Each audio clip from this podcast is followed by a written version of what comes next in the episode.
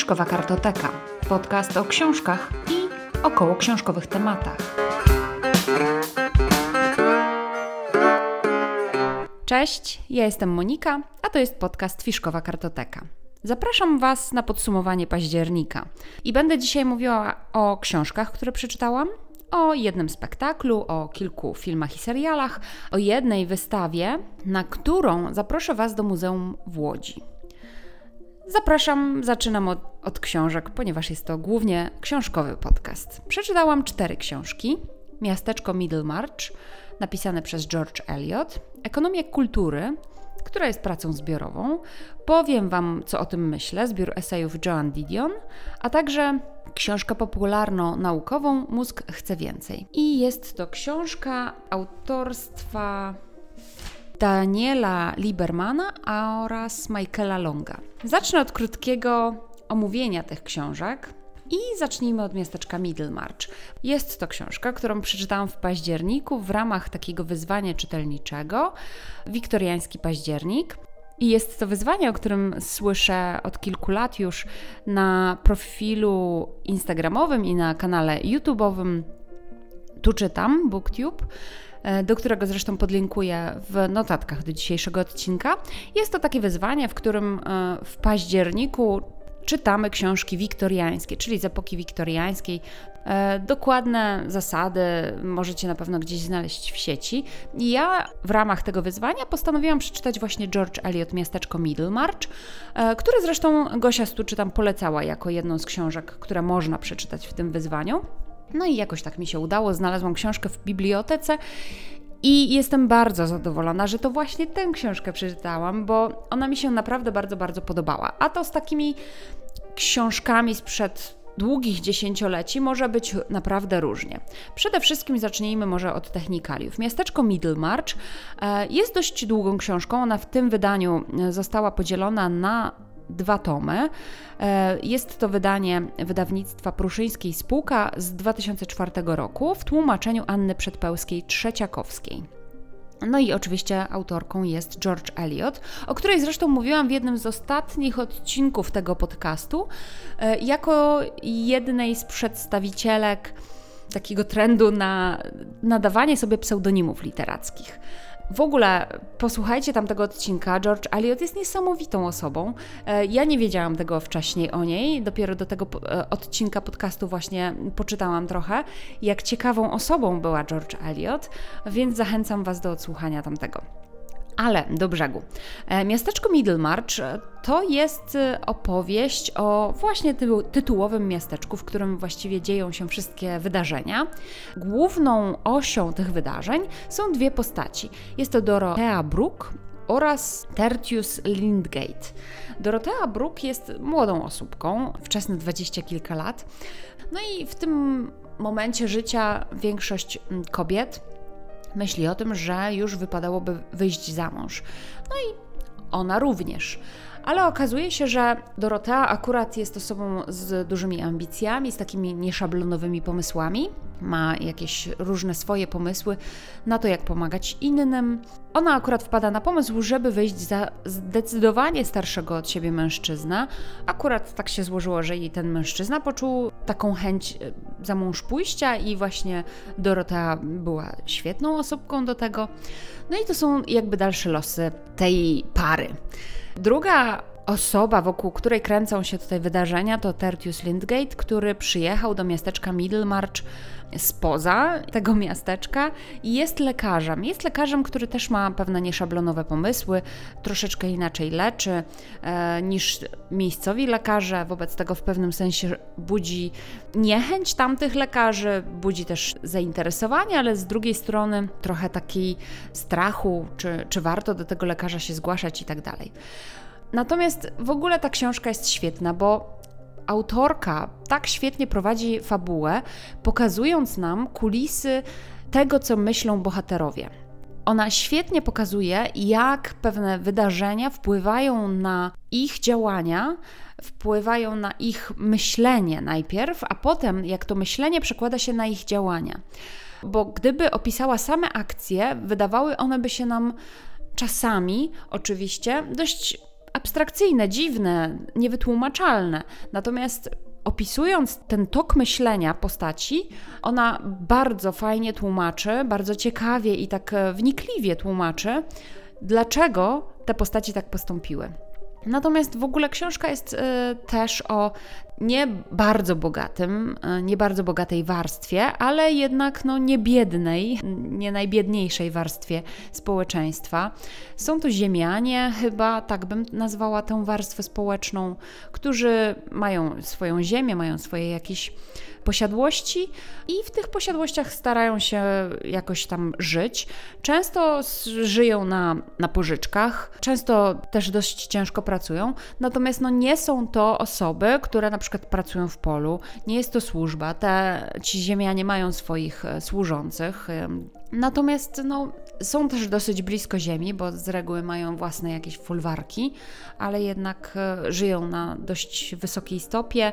Tutaj też dużą rolę odgrywa plotka, e, jak to w takich powieściach też często bywa. Naprawdę świetna książka, świetnie psychologicznie opisana, ale też bardzo fajnie pokazuje, tak mi się wydaje, tamtejsze realia życia. Więc bardzo, bardzo Wam polecam książkę Miasteczko Middlemarch, George Eliot. Może na przykład skusicie się i w przyszłym roku weźmiecie udział w akcji Wiktoriański Październik i właśnie tę książkę wybierzecie. Naprawdę ja ją bardzo polecam. Drugą książkę, jaką przeczytałam, była Ekonomia kultury krytyki politycznej. I od razu Wam powiem, że to jest książka z 2010 roku, o czym ja nie wiedziałam wypożyczając tę książkę, ale jak zobaczyłam, że to jest książka z tamtego roku, no to się nie zraziłam, natomiast wzięłam sobie taką poprawkę, że to jest jednak już te kilkanaście lat temu wydana książka.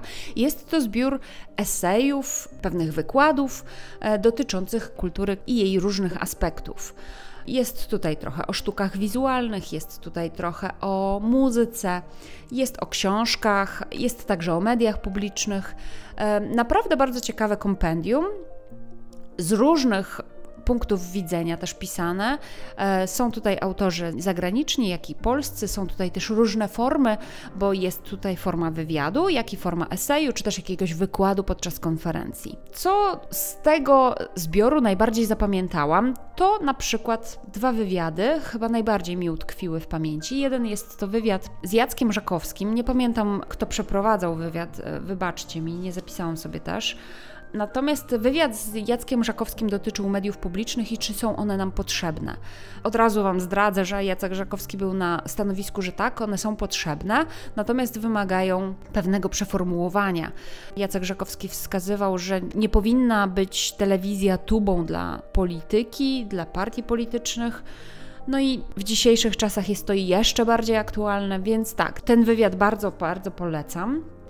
Jeszcze sobie zerkam w swoje notatki. Bardzo był ciekawy wywiad też e, Jana Smoleńskiego, tym razem sobie zapisałam, z panią Beatą Stasińską.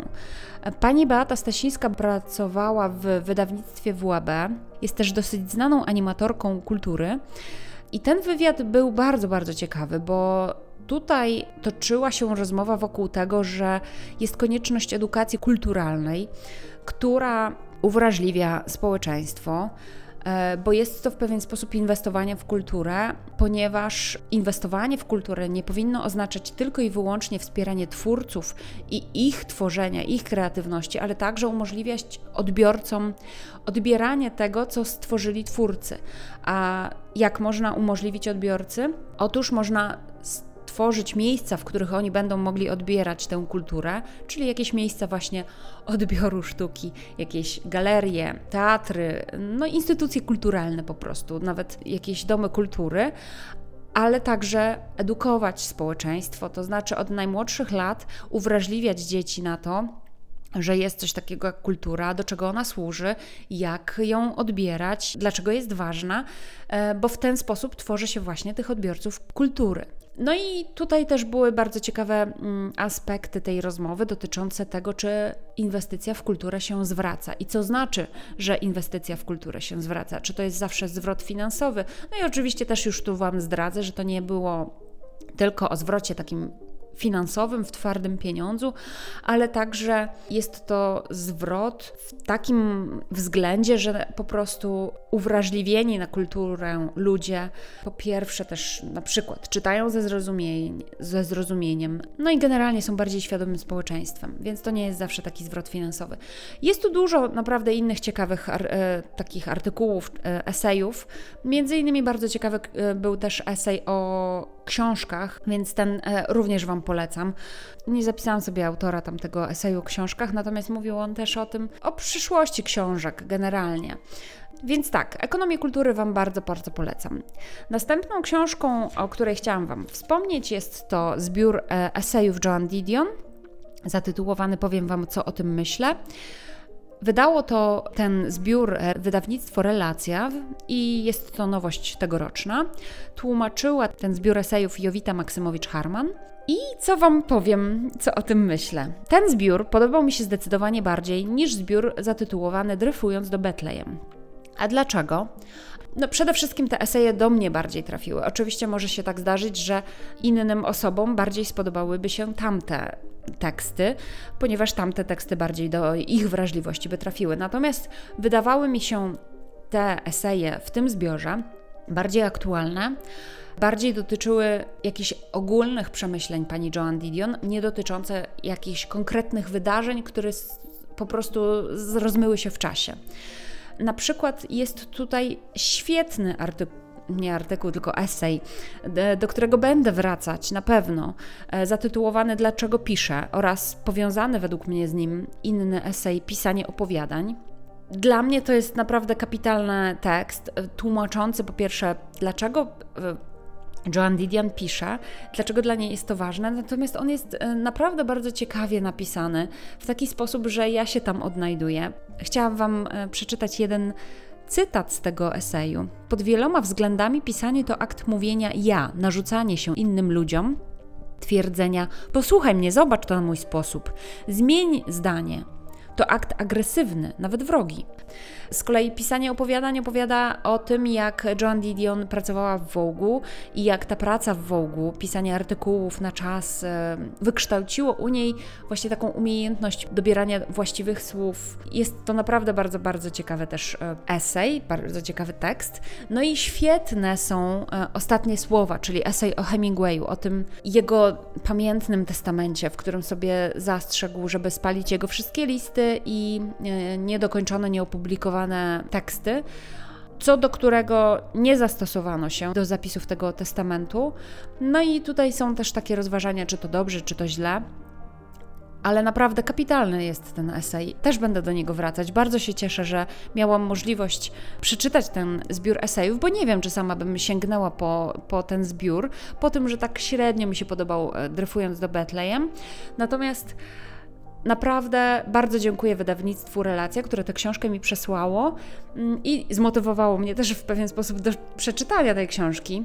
Dodatkowo też czułam się zmotywowana przez e, pewien film na Netflixie, który obejrzałam w tamtym miesiącu.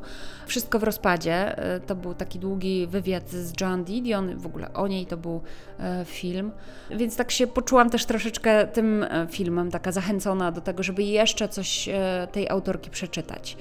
Naprawdę świetny zbiór, bardzo Wam go polecam. No i ostatnia książka, którą skończyłam czytać w list, w październiku, przepraszam. Jest to książka Mózg chce więcej, dopamina, naturalny wyzwalacz, autorstwa Daniela Libermana oraz Michaela Longa. Tłumaczył tę książkę Jarosław Iżykowski i jest to książka wydana w wydawnictwie Feria Science w 2019 roku. Tu akurat jest książka o dopaminie, o, takim, o takiej substancji chemicznej, która w większości przypadków kojarzy nam się z przyjemnością. Natomiast jest tutaj wyjaśnione, że dopamina jest to taka substancja chemiczna, która nie jest substancją, y, która wyzwala u nas przyjemność, ale jest to taka substancja, która nas motywuje do działania. To ona odpowiada za to, jakie mamy pragnienia, czego pragniemy i dlaczego do nich dążymy. Znaczy, nie dlaczego, tylko że odpowiada za to, że dążymy do czegoś. to jest taka substancja chemiczna motywacji. I jest to książka, która jest podzielona na kilka rozdziałów, między innymi o miłości. I dlaczego na przykład w pierwszym etapie miłości czujemy właśnie takie podniecenie, podekscytowanie, e, jesteśmy ciągle tacy podminowani, e, mamy motyle w brzuchu, ciągle właśnie pragniemy bycia z tą osobą, no i właśnie za to odpowiada dopamina. Natomiast w, w, tym drugim etapie miłości większą ważność mają inne substancje chemiczne, są to tak zwane neuroprzekaźniki, takie jak oksytocyna, wazopresyna, endorfina, tutaj na pewno znacie endorfinę, czy też endokanabinoidy. Miłość to jeden rozdział, narkotyki to drugi. Tutaj też jest mowa o tym, jaką rolę odgrywa dopamina w uzależnieniach, e, jak się z nich wyrwać, no i dlaczego też jest to tak trudne, tak na dobrą sprawę. Po narkotykach jest rozdział o panowaniu. Jest to też bardzo ciekawie wspomniane. choroba ADHD, która też jest pewnym zaburzeniem e, w przekazywaniu dopaminy, czy też e, w nierównowadze dopaminy w organizmie. Bardzo ciekawie rozpisane to, jak to działa i dlaczego tak działa. Jest też świetny rozdział o twórczości i szaleństwie. Dlaczego te dwie rzeczy są ze sobą połączone? Ano dlatego, że się właśnie łączą i dlatego, że też są zależne od dopaminy i od jej mm, równowagi w organizmie. E, jest też rozdział o polityce i o tym, jak różnią się w ilości dopaminy konserwatyści i liberałowie rozdział o postępie, jak ludzkość wyewoluowała, e, jak to się stało i dlaczego dopamina odgrywała w tym bardzo dużą rolę. No i e, ostatni rozdział o harmonii, czyli jak zadbać własnymi środkami niedrogimi, e, dostępnymi dla każdego o równowagę dopaminy w organizmie. Bardzo fajna książka, bardzo Wam ją polecam. A teraz polecenia nie książkowe i zacznijmy może od spektaklu. Byliśmy w październiku na spektaklu, który nosi tytuł Ludowa Historia Polski. I oczywiście to nie jest przypadek, ponieważ jest taka książka Ludowa Historia Polski Adama Leszczyńskiego. I jest to spektakl właśnie na podstawie tej książki. Jest to spektakl w Teatrze Nowym w Łodzi w reżyserii Adama Pacześniaka. Jest to bardzo dobre przedstawienie, metaforyczne, miejscami dowcipne. Przypuszczam, że wielu tutaj tropów nie odkryłam, nie zgadłam, nie dojrzałam. Przeczytanie książki Adama Leszczyńskiego na pewno bardzo by mi pomogło. Możliwe, że jak przeczytam ją kiedyś w przyszłości, to bardziej mi się otworzą oczy na to, co zobaczyłam w tym spektaklu. Natomiast czytałam przed spektaklem jeszcze Hamstwo Kacpra Pobłockiego, co akurat cieszę się, że się tak zdarzyło, bo pomogło mi to zrozumieć pewien wątek, czy też pewną scenę e, w tym spektaklu. Jeżeli macie okazję zobaczyć ten spektakl w Teatrze Nowym w Łodzi, lub też może będą jakieś wyjazdowe pokazy ludowej historii Polski, to ja Wam bardzo polecam. Jest to doskonałe przedstawienie, na którym można się trochę pośmiać, troszkę się zastanowić ale na pewno e, będziecie zadowoleni. Jeśli chodzi o filmy i seriale, to zobaczyłam na pewno kilka głośnych filmów. Oczywiście zobaczyłam film, e, najnowszy film o Bondzie, czyli No Time to Die. Uważam, że jest to bardzo dobra rozrywka. Mnie się bardzo ten film podobał. E, ja akurat nie jestem fanką filmów o Bondzie. Po tym filmie, właśnie No Time to Die, postanowiliśmy z mężem obejrzeć wszystkie filmy za, z Danielem Craigiem i zaczęliśmy od pierwszego, czyli Casino Royale. I to Casino Royale tak mi się strasznie nie podobało. Było takie bondowskie, ale takie jakieś głupie.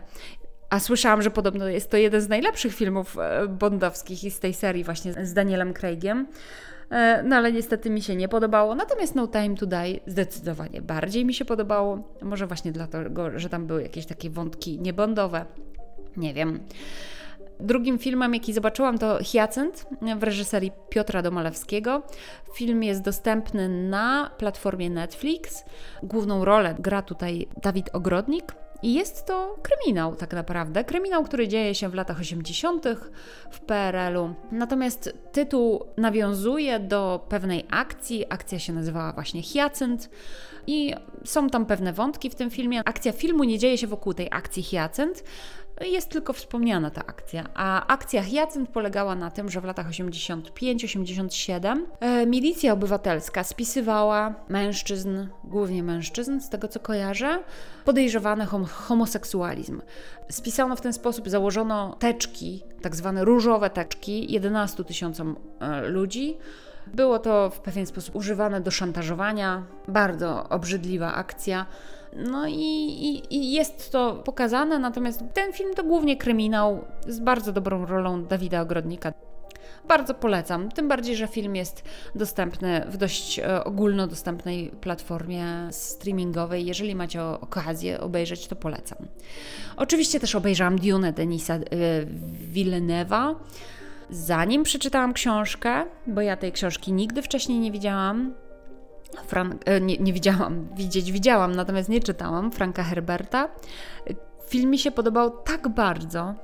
Ja byłam też bardzo nakręcona na ten film, to się mówi nahypowana. Natomiast film mi się bardzo podobał. Był odpowiedni do mojej estetyki, były świetne kolory, wszystko się odbywa w dość ciemnych, brutalistycznych kolorach. Wszystkie budowle tam są pokazane w takim modernistycznym, brutalnym stylu. Natomiast bardzo ciekawy zabieg jest zrobiony, że wszystkie sny głównego bohatera są pokazane w takim złocistym, ciepłym odcieniu. Bardzo fajnie to wyglądało. Bardzo dobra obsada Jedyne, co mi się w tym filmie nie podobało akurat w tym kinie, w którym byłam, muzyka była tak ogłuszająca i tak dawała po uszach i była strasznie monumentalna, że to mi się nie podobało akurat. Natomiast reszta świetna. I od tego czasu zaczęłam już y, słuchać akurat w audiobooku Duny, natomiast bardzo chciałabym chyba y, ją też mieć gdzieś tam na półkach i poczytać sobie też w papierze. Bardzo ciekawie zakończyliśmy październik, obejrzeliśmy film również na Netflixie, Nabrani, prawdziwa historia o fałszywych obrazach. Jest to dość mm, niedawny film, chyba z 2020 roku, o takim fałszerstwie. W latach 90. w Nowym Jorku pewna galeria wprowadziła na rynek 80, około 80 fałszywych obrazów i to takich głośnych nazwisk, jak na przykład Mark Rotko. I sprzedała je za grube miliony. I, I to jest bardzo ciekawa historia od samego początku tej akcji, jak to się wszystko zaczęło. Opowiadają ją i fałszerze, znaczy nie fałszerze ci, którzy malowali obrazy, bo ten to akurat uciekł w miejsce, z którego już raczej nie powróci. E, I raczej osób z galerii, która wprowadzała te obrazy na rynek, ale także ekspertów od malarstwa, różnych ekspertów z innych galerii, ale także policjantów śledczych. Bardzo, bardzo ciekawa historia. Mnie się bardzo podobało. Ja lubię historię o malarstwie, o sztuce, a szczególnie też o fałszerstwach, więc to jest bardzo ciekawa e, historia, bardzo Wam ją polecam. Oprócz tego też zobaczyłam takie też na Netflixie e, nazywa się to Oats Studios. To jest taki zbiór krótkich filmików, krótkoformatowych. Niektóre są animacją, a niektóre to są filmy z aktorami. Nawet w dwóch odcinkach są bardzo znane aktorki. Jedna w pierwszym odcinku gra Sigourney Weaver, a w jakimś innym zatytułowanym Zygota gra Dakota Fanning. Są to niezależne od siebie histor historie, więc można je obejrzeć nie w chronologicznym porządku o różnych rzeczach. Niektóre są jakieś koszmarnie głupie, e, niektóre są zabawne. A niektóre są przerażające, bo dotyczą w pewnym sensie naszej przyszłości. Trochę mi to przypomina jakiś um, Black Mirror, trochę mi to przypomina Miłość Śmierci Roboty, ale bardzo, bardzo sobie chwalę obejrzenie tych e, filmików. Zresztą naprawdę warto zaangażować się, bo to jest bardzo króciutko. Każdy z tych filmów jest dość krótki. Najdłuższy chyba film ma dwadzieścia kilka minut, ale są też tam takie sześciominutowe filmiki, więc polecam. W październiku obejrzeliśmy też Halstona. Jest to świetnie nakręcony film. Fabularny, znaczy nie film, tylko serial, fabularny. Zresztą jest to mini serial, bo chyba kilka dosłownie jest tych odcinków, sześć albo osiem. O takim projektancie mody, który właśnie się nazywa Halston, jest do, doskonale zagrany przez Iwana McGregora, bo Iwan McGregor jest tam taki wyniosły, pewny siebie, w pewien sposób arogancki. Przypuszczam, że właśnie tak się zachowywał mm, ten projektant mody. Halston. E, bardzo mi się podobało, chociaż historia jest no, dosyć smutna, bo tak też skończył smutno dosyć ten projektant mody, który się zaprzedał i, i sprzedał swoje projekty i wszystko, co stworzy e, do masowej produkcji. A i ta wystawa, do której, na którą zapraszam Was do Łodzi, jest to wystawa w Muzeum Sztuki MS1 tak zwanym, na ulicy Wulczańskiej, przy ulicy Wulczańskiej. Jest to wystawa zatytułowana Awangardowe Muzeum. I jest to o tyle ciekawa wystawa, że poza tym, że zebrano tutaj mm, pracę znanych artystów, takich jak Wasilij Kandiński, jak Kazimierz Malewicz, jak Piet Mondrian, jak Pablo Picasso, kto tam jeszcze, Man Ray tam też się pojawił, no bardzo znane nazwiska, ale poza tym zupełnie jest to na tyle ciekawe, ciekawa wystawa, bo ona opowiada o muzeum, o tym jak budowano muzea na początku XX wieku. Ale bardzo ciekawe, bo na początku XX wieku pomyślano, że muzea będą troszeczkę inną rolę odgrywały. Do tej pory w muzeach można było znaleźć przeszłość, a teraz pomyślano, że muzea można stworzyć po to, żeby oglądać teraźniejszość lub nawet w przyszłość w pewnym sensie. No i właśnie dlatego to się nazywa awangardowe muzeum bo zatrudnieni zostali również znani artyści jako twórcy tych muzeów. Chodziło o to, żeby pokazywać sztukę teraźniejszą, żeby pokazywać sztukę współczesną, a nawet sztukę, która może się dopiero stać popularna, czyli takie trendy pokazywać w tych muzeach. E, pokazano, jak budowano te nowe wystawy, galerie. Są tutaj przykłady z całego świata, z Nowego Jorku, ale też z Petersburgu, z całej Europy. Bardzo ciekawie, naprawdę jest udokumentowane na tej wystawie, jak tworzyli kuratorzy właśnie różnego rodzaju przestrzenie wystawiennicze. Nawet jeden pokój jest odtworzony, bo były też taki trend, żeby pokazywać dzieła sztuki w jakiś nowy sposób, w takich nowych przestrzeniach, nowo zaprojektowanych przestrzeniach wystawienniczych, które będą też dodatkowo pobudzać, pobudzać widza różnymi innymi bodźcami, nie tylko sztuką, to znaczy samą przestrzenią, żeby pobudzać widza żeby stworzyć jakiś ruch w galerii wystawienniczej, żeby ściany wyglądały troszkę inaczej z różnych punktów widzenia. Naprawdę bardzo, bardzo ciekawa wystawa i jeżeli tylko macie okazję, może jesteście z Łodzi, a może będziecie przejazdem w Łodzi, zajrzyjcie do Muzeum Sztuki na ulicy Wulczańskiej i obejrzyjcie wystawę Muzeum Awangardowe. No i to tyle. Dziękuję za wysłuchanie dzisiejszego odcinka. Zapraszam oczywiście na kolejne. Zajrzyjcie do notatek dzisiejszego odcinka. Zapraszam na moje konto instagramowe Fiszkowa Kartoteka. Mam też inny podcast, także inne konto na Instagramie. Nazywa się ono Lubię Wiedzieć. Tam też zapraszam.